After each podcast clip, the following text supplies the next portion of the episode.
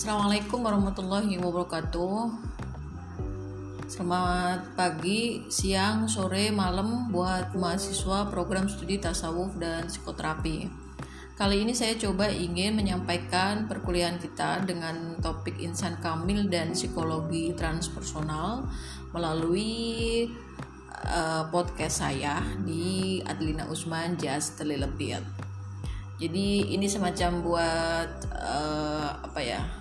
Buat media yang lain aja lah buat variasi buat teman uh, biar teman-teman punya terus semangat untuk terus belajar begitu ya untuk tidak mengurangi maksud dan substansi dari perkuliahan kita hari ini, baik langsung saja, mari kita memperbincangkan mengenai insan kamil dalam perspektif tasawuf. Nah, kalau teman-teman mendengar kata insan kamil sebenarnya tidak cukup asing juga kan karena memang pembahasan yang khas kalau di bidang tasawuf itu adalah insan kamil. Dan konsep insan kamil itu sendiri banyak dibahas oleh para tokoh sufi. Sebut saja misalnya Ibnu Arabi kemudian ada Al-Jili kemudian Muhammad Iqbal juga membahas tentang ini. Kemudian di catatan saya uh, siapa ya ini ya? Lupa saya oh udah ya. Nah jadi para tokoh sufi pun banyak yang memperbincangkan mengenai insan kamil. Nah di buku uh, Toshihiko Isutsu ini Sufisme Samudra Makrifat Ibnu Arabi dan beberapa konsep yang lain ketika menjelaskan insan kamil ini nisbahnya adalah kepada manusia itu jelas. Jadi manusia dianggap sebagai uh, manusia yang sempurna uh, manusia yang mampu menangkap citra Allah dengan sangat sempurna. Dan konsep insan kamil ini dibagi menjadi dua. Jadi maksudnya adalah sambil saya buka ya sebentar sebentar jadi ketika kita memperbincangkan mengenai konsep manusia, manusia sempurna atau insan kamil Ibnu Arabi itu sendiri memandang manusia itu pada dua tataran yang berbeda. Yang pertama itu konsep manusia yang dikaitkan dengan manusia secara umum. Ketika manusia dibandingkan dengan makhluk ciptaan Tuhan yang lain, maka manusia ini yang merupakan uh, uh, makhluk yang paling sempurna begitu. Nah, tetapi selain itu manusia juga uh, apa namanya tataran yang kedua ketika melihat manusia dibandingkan dengan manusia yang lain itu ada uh, tingkatan manusia yang paling sempurna. Contoh konkretnya ya misalnya Rasulullah Shallallahu Alaihi Wasallam adalah merupakan uh, wujud konkret dari insan kamil ketika manusia itu dilihat dan dibandingkan dengan manusia yang lain. Jadi menangkap menjadi citra Tuhan yang paling sempurna begitu. Nah, kita kembali ke mari kita diskusikan dan ketahui lebih lanjut lagi mengenai insan kamil. Nah, Uh, jadi adanya konsep insan kamil ini kalau kita mau menelusuri jalan pemikiran beberapa para tokoh sufi tentu tidak jauh dari konsep penciptaan makhluk ya. Nah, di sini Adili mengatakan bahwa duplikasi al-kamal atau kesempurnaan yang dimiliki oleh manusia itu bagaikan cermin yang saling berhadapan. Ketidaksempurnaan manusia itu disebabkan oleh sifat dunia. Nah, al-kamal yang paling tertinggi terdapat dalam diri Nabi Shallallahu Alaihi Wasallam dan para nabi-nabi dan wali-wali Allah. Bila dibandingkan dengan Nabi Muhammad Wasallam, bagaikan al-kamil yang sempurna dengan al-akmal yang paling sempurna, atau al-fadil yang utama dengan yang al-afdol atau yang paling utama, begitu. Jadi udah disinggung ya jadi kalau dibandingkan dengan manusia dengan manusia yang lain, maka manusia itu sendiri uh, ya manusia yang sempurna itu sendiri memiliki tingkatan. Itu. Dah apa sih yang dimaksud dengan manusia yang sempurna itu adalah manusia yang mampu menunjukkan citra Tuhan yang paling sempurna. Apa maksudnya? Jadi sosok manusia yang dalam dirinya itu menjelma sifat-sifat Tuhan begitu. Kita ketahui bahwa sifat Tuhan ada banyak sekali uh, maha pengasih, maha penyayang dan lain sebagainya ya.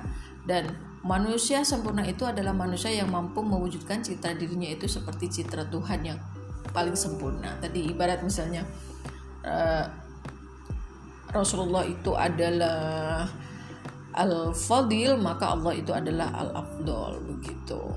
Nah, kemudian uh, Al-Jili membagi insan kamil menjadi tiga tingkatan. Yang pertama tingkat uh, al-bidayah atau permulaan. Pada tingkatan ini itu insan kamil mulai dapat merealisasikan asma dan sifat-sifat Allah yang ada pada dirinya. Nah, kemudian tingkatan yang kedua adalah tingkatan menengah atau wasud. Pada tingkatan ini, insan kamil sebagai orbit kehalusan sifat kemanusiaan yang terkait dengan realitas kasih Tuhan atau al-haqaiq ar-rahmaniyah. Itu. Nah, sementara pengetahuan yang dimiliki oleh insan kamil pada tingkatan ini juga telah meningkat dari pengetahuan yang biasa. Biasanya juga manusia pada tingkatan ini itu mampu melihat hal-hal yang menjadi rahasia Allah, tapi tidak banyak, hanya beberapa saja. Tuh. Nah, kemudian tingkatan yang ketiga adalah tingkatan yang terakhir atau al-khitam pada tingkatan insan kamil yang ketiga yang paling tinggi manusia tersebut dapat merealisasikan citra Tuhan secara utuh itu sampai tidak hanya men, tidak hanya menunjukkan sifat ya sosok manusia yang sempurna yang sudah tingkatan yang tertinggi itu sampai uh, ucapannya perbuatannya itu juga merupakan uh, kepanjangan dari citra Tuhan atau tangan Tuhan gitu ya secara sederhananya nek ngendikan gitu itu kejadian begitu misalnya. Atau mampu mempengaruhi orang gitu mampu uh, apa namanya tuh uh, jadi apa yang apa yang dikehendaki apa yang dia ucapkan perbuat diperbuat itu merupakan citra dari Allah Subhanahu wa taala gitu. Nah, uh, di referensi yang saya cantumkan ini, ini juga menjelaskan bagaimana seorang tokoh filosof sekaligus sufi, yakni Al-Ghazali, membicarakan mengenai manusia yang sempurna. Jadi sebenarnya secara sederhananya, manusia sempurna itu adalah manusia yang mampu mengembangkan potensi kejiwaan yang ada dalam hatinya. Nah, baik Al-Ghazali maupun Al-Jili dan beberapa tokoh sufi yang lain ketika melihat potensi kejiwaan manusia itu, maka hati itu menempati uh, perhatian yang sangat utama. Tentu ini terkait dengan hadis Rasulullah SAW yang membicarakan mengenai uh, betapa hati itu sangat uh, apa ya namanya tuh sangat uh, dominan jadi kalau hati kita buruk maka perbuatan kita buruk dan sebaliknya begitu nah kemudian uh, jiwa manusia ini kemarin saya singgung sedikit ya mereview penjelasan yang kemarin barangkali belum sempat untuk dibahas juga jadi jiwa manusia itu terdiri dari empat unsur. Ada hati, ruh, nafsu, dan akal. Nah, nafsu al hayawaniat atau nafsu kebinatangan itu merupakan kehendak yang selalu mendorong seseorang untuk e, memiliki sifat amarah atau syahwat itu. Dan nafsu nabatiat atau jiwa malaikat itu adalah kehendak yang mendorong seseorang untuk menuju kebaikan, kebenaran, dan bebas dari nafsu-nafsu kebinatangan.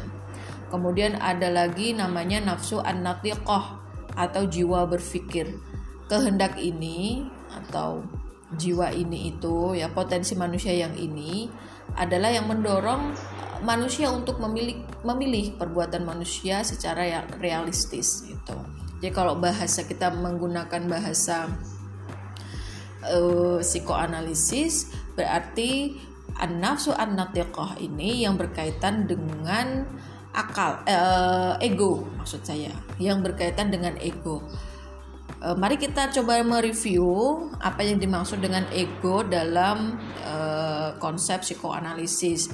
Bahwa yang dinamakan ego itu adalah potensi manusia yang mendorong manusia untuk berpikir secara realistis. Contoh misalnya, aku kepengen handphone yang harganya 5 juta, tapi aku gak duit-duit sejumlah itu, aku cuma punya satu juta terus iki kepiye nah itu jadi dia berpikir tetapi kemudian dikaitkan dengan sesuatu yang realnya bagaimana itu adalah yang dimaksud dengan an-nafsu an-natiqah atau jiwa yang berpikir. Tetapi jiwa yang berpikir yang dilandaskan pada tataran akal ini masih e, bersifat egosentris begitu. Jadi sebenarnya egosentris bukan bukan nisbahnya ke egois itu ya. Tapi lebih ke tadi itu egosentris atau e, berpikir tetapi yang mem, e, mempertimbangkan aspek realnya begitu ya. Kemudian ada anafsu al insaniyah atau jiwa kemanusiaan. Potensi ini mendorong seseorang untuk melakukan aktualisasi diri dan pengakuan sehingga ia melakukan perbuatan yang terintegrasi. Tuh antara nafsu al-hayawaniyah, nabatiyah dan natiqah. Jadi ini tuh merupakan uh, potensi manusia ya. Tadi potensi al-insaniyah itu jiwa kemanusiaan itu atau apa namanya? Uh, potensi manusia yang bisa mengintegrasikan seluruh potensi, menggerakkan seluruh potensi secara proporsional, secara tepat, secara uh, komprehensif itu sehingga seseorang bisa melakukan aktualisasi diri atau uh, mencari sesuatu yang lebih hanya sekedar misalnya pemenuhan kebutuhan fisiologis atau pemenuhan kebutuh kebutuhan biologis dan lain sebagainya. Ini kalau menurut Abraham Maslow yang dikaitkan dengan uh, tingkat kebutuhan manusia. Mudah-mudahan teman-teman masih ingat ketika membicarakan uh, psikologi kepribadian yang tentang Abraham Maslow tentang kebutuhan manusia yang mengalami peningkatan itu. Ada misalnya dari yang dasar ya biologis, fisiologis, rasa aman, rasa dihargai, cinta sampai pada aktualisasi diri. Nah, kemudian Nah, kalau insan kamil itu yang ingin disampaikan dalam konsep tasawuf ini, yang namanya manusia sempurna atau insan kamil itu dia yang melakukan sesuatu lebih dari sekedar untuk aktualisasi diri begitu. Nah, mari kita lanjutkan lagi pembahasan mengenai insan kamil. Untuk selanjutnya eh, kita kembali ke penjelasan Al-Ghazali ya. Al-Ghazali itu juga mengakui adanya hierarki kecerdasan. Hierarki ini sesuai dengan tingkatan substansi manusia Hierarki kecerdasan ini tergantung pada tingkat kapasitas uh, yang dikembangkan oleh manusia, berangkat dari potensi yang dimiliki itu. Nah, yang tadi itu ya yang disebutkan di atas itu. Namun, ia menyatakan hierarki ini disederhanakan menjadi dua bagian. Yang pertama kecerdasan intelektual atau akal, yang kedua kecerdasan spiritual, begitu atau kecerdasan rohani. Nah, kemudian Kecerdasan spiritual itu dihubungkan dengan tiga sifat ilmu pengetahuan, yaitu ilmu laduni, kemudian ilmu pengetahuan misteri-misteri, dan ilmu pengetahuan tentang gaib. Nah, ketiga jenis ilmu pengetahuan itu menurut Ibnu Arabi itu dalam kitab Al Futuhat Al-Makkiyah tidak dapat diakses melalui kecerdasan intelektual. Nah, ini karena apa? Nuansanya gaub ya. Nuansanya itu tidak menggunakan kecerdasan intelektual.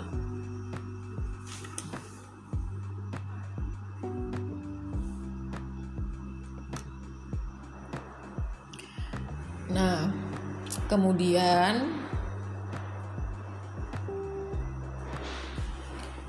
ini tadi uh, penjelasan yang mengantarkan pemahaman mengenai insan kamil. Tetapi insan kamil uh, apa namanya yang yang artinya kedua itu tadi yang ketika manusia dibandingkan dengan manusia yang lain maka tingkat kesempurnaan manusia itu berbeda-beda tergantung pada uh, substansi jiwa manusia itu sendiri katakanlah misalnya yang paling tinggi itu adalah Rasulullah kemudian para nabi para wali kemudian ada khawasul khawas orang-orang yang khawas orang-orang yang awam dan orang-orang yang ya awam dan pada umumnya begitu. Nah orang-orang yang memiliki insan kamil ini yang apa namanya yang memiliki kecerdasan spiritual kalau di, di sini sebutnya ya atau mungkin di tempat lain disebut dengan uh, apa namanya tuh uh, ya dekat dengan istilah ilmu laduni. Orang-orang yang memiliki uh, keutamaan dibanding dengan orang pada umumnya memiliki tajaliat Allah itu jadi diberi anugerah oleh Allah untuk dapat menyingkap atau menyaksikan atau melihat serangkaian rahasia-rahasia Allah itu orang-orang tertentu orang-orang tadi yang memiliki misalnya ilmu laduni atau ilmu pengetahuan misteri-misteri dan ilmu pengetahuan tentang goib. Nah, tetapi sebenarnya eh, ini tadi kan menurut Al Ghazali ketiga ilmu ini bisa mengantar seseorang untuk memiliki pengalaman sofistik atau pengalaman mistik begitu.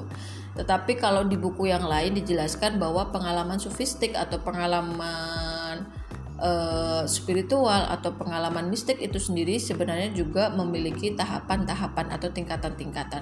Katakanlah misalnya uh, Rasulullah ya orang orang-orang yang khawasul khawas memiliki pengalaman spiritual yang berbeda dengan orang-orang yang khawas.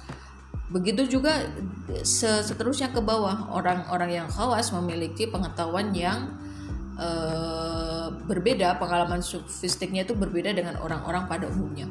Bukan berarti orang-orang pada umumnya itu tidak memiliki pengalaman spiritual, tetapi bisa jadi pengalaman spiritual yang dirasakan oleh orang-orang yang awam ini pengalaman-pengalaman yang masih bisa dijangkau oleh panca indera kita, masih bisa dirasionalisasikan begitu karena e, nuansanya masih menggunakan kecerdasan intelektual atau bukan sesuatu yang e, sulit untuk dipahami.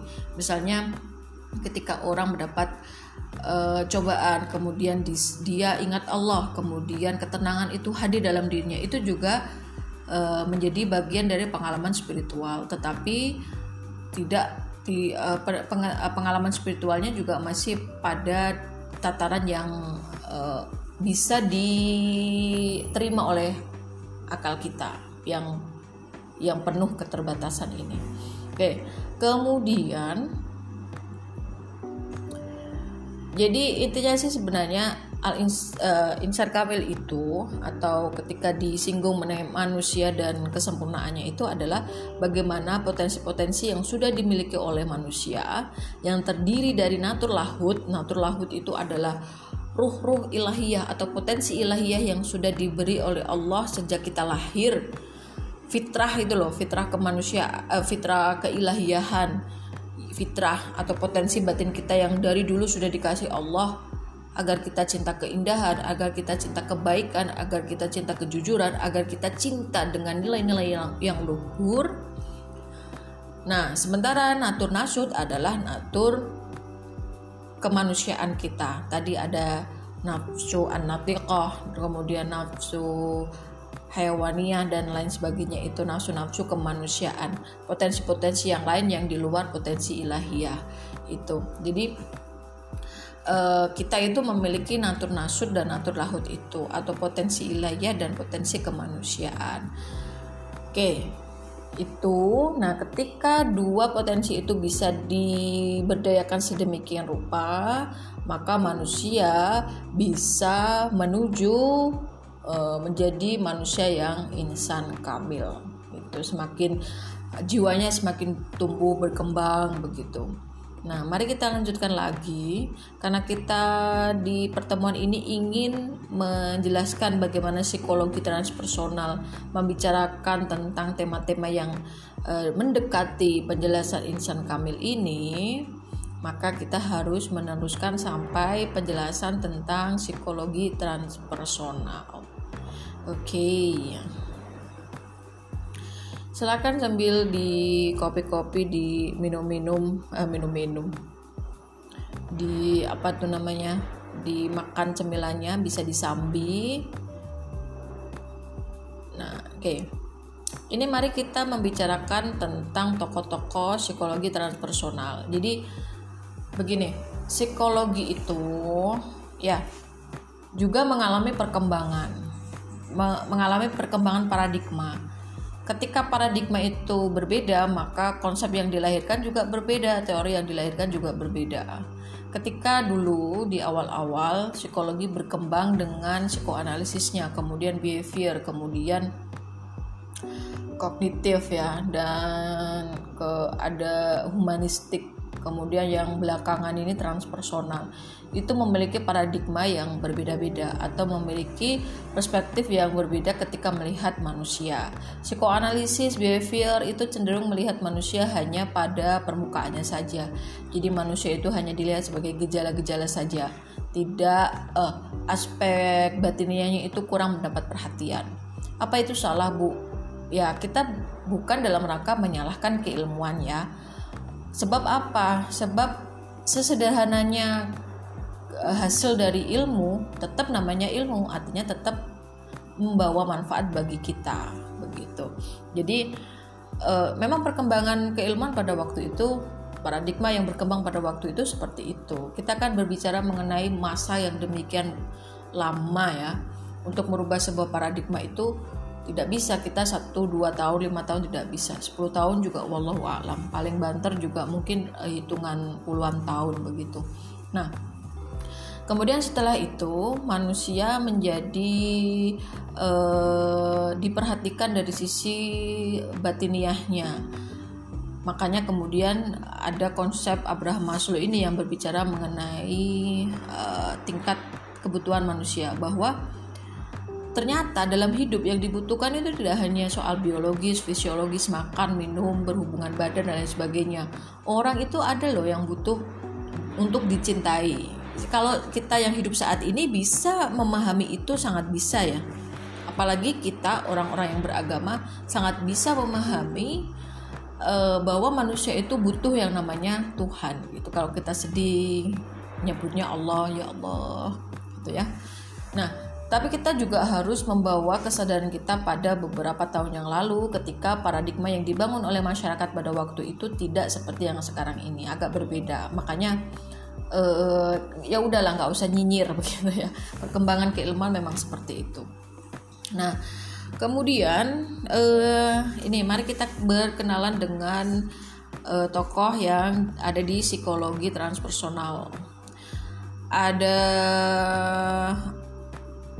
uh, Carl Gustav Jung, Viktor Frankl, William James, Charles Tarto, beberapa toko ini oh Abraham Maslow di sini masuk juga ya. Beberapa toko ini paradigmanya hampir bersamaan. Mereka sama-sama mengakui bahwa manusia itu butuh kehidupan yang bermakna. Itu yang membuat manusia itu bisa survive dalam kehidupan bisa menghargai kehidupan. Tidak tidak mudah untuk depresi tidak mudah untuk stres tidak mudah untuk uh, mengalami gangguan-gangguan kejiwaan. Sehat secara mental begitu. Nah tetapi yang lebih menarik dari psikologi transpersonal itu adalah pengakuan dari psikologi eh, tentang adanya kemampuan manusia dalam dunia spiritual, pengalaman puncak mistisisme yang dialami oleh manusia. Jadi sudah melihat positif ke arah sana, sudah mengakui bahwa oh iya juga ada manusia yang dia itu bisa menikmati duduk berlama-lama dalam uh, ketika wirid misalnya, ketika zikir Or, orang or, uh, kalau psikologi transpersonal itu bisa menjelaskan itu, bisa memahami itu bahwa dalam kehidupan di tengah-tengah kehidupan kita itu ada orang-orang yang bisa tenang hanya dengan duduk berzikir begitu bisa menikmati apa sih yang yang bisa membuat mereka menikmati itu dan sebagainya. Nah, itu yang dibahas di psikologi transpersonal. Nah, kemudian eh William James dalam bukunya The Varieties of Religious Experience ini juga memperbincangkan mengenai permasalahan aktual dalam keagamaan dalam kacamata pragmatis. Nah, pengalaman spiritual juga dibahas di sini. Jadi ternyata dari dari psikologi transpersonal itu kita dapat pengetahuan bahwa ternyata kesadaran manusia itu tingkatannya banyak. Ada kesadaran uh, apa namanya? kesadaran yang disadari dan kesadaran yang tidak disadari. Kalau di sini coba saya coba cari dulu di sini ada nggak ya bahasanya altered of consciousness harusnya ada. Oh itu yang tokonya Charles. Uh, sorry sorry sorry. Sebentar saya cari dulu. Uh, tokohnya Charles Tart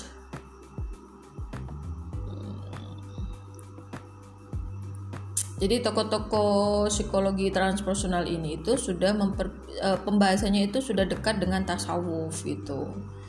Sudah um, kalau bagi kita kan hidup bermakna itu bagaimana? Ya ketika kenal dengan Allah begitu kan. Dan itu yang membuat orang itu bahagia. Itu adalah konsep kebenaran yang hakiki. Soal orang itu menerima apa enggak, ya Allah alam tapi orang banyak yang mengakui dan riset juga seperti itu bahwa ketika orang lebih bisa konaah, lebih bisa bersyukur, lebih bisa mengenal Allah, kehidupan kehidupannya akan relatif lebih lebih ter, lebih bisa dilampaui dengan dengan santai, dengan enak, dengan tidak kemrungsung begitu. Seneng nggak? Ya seneng.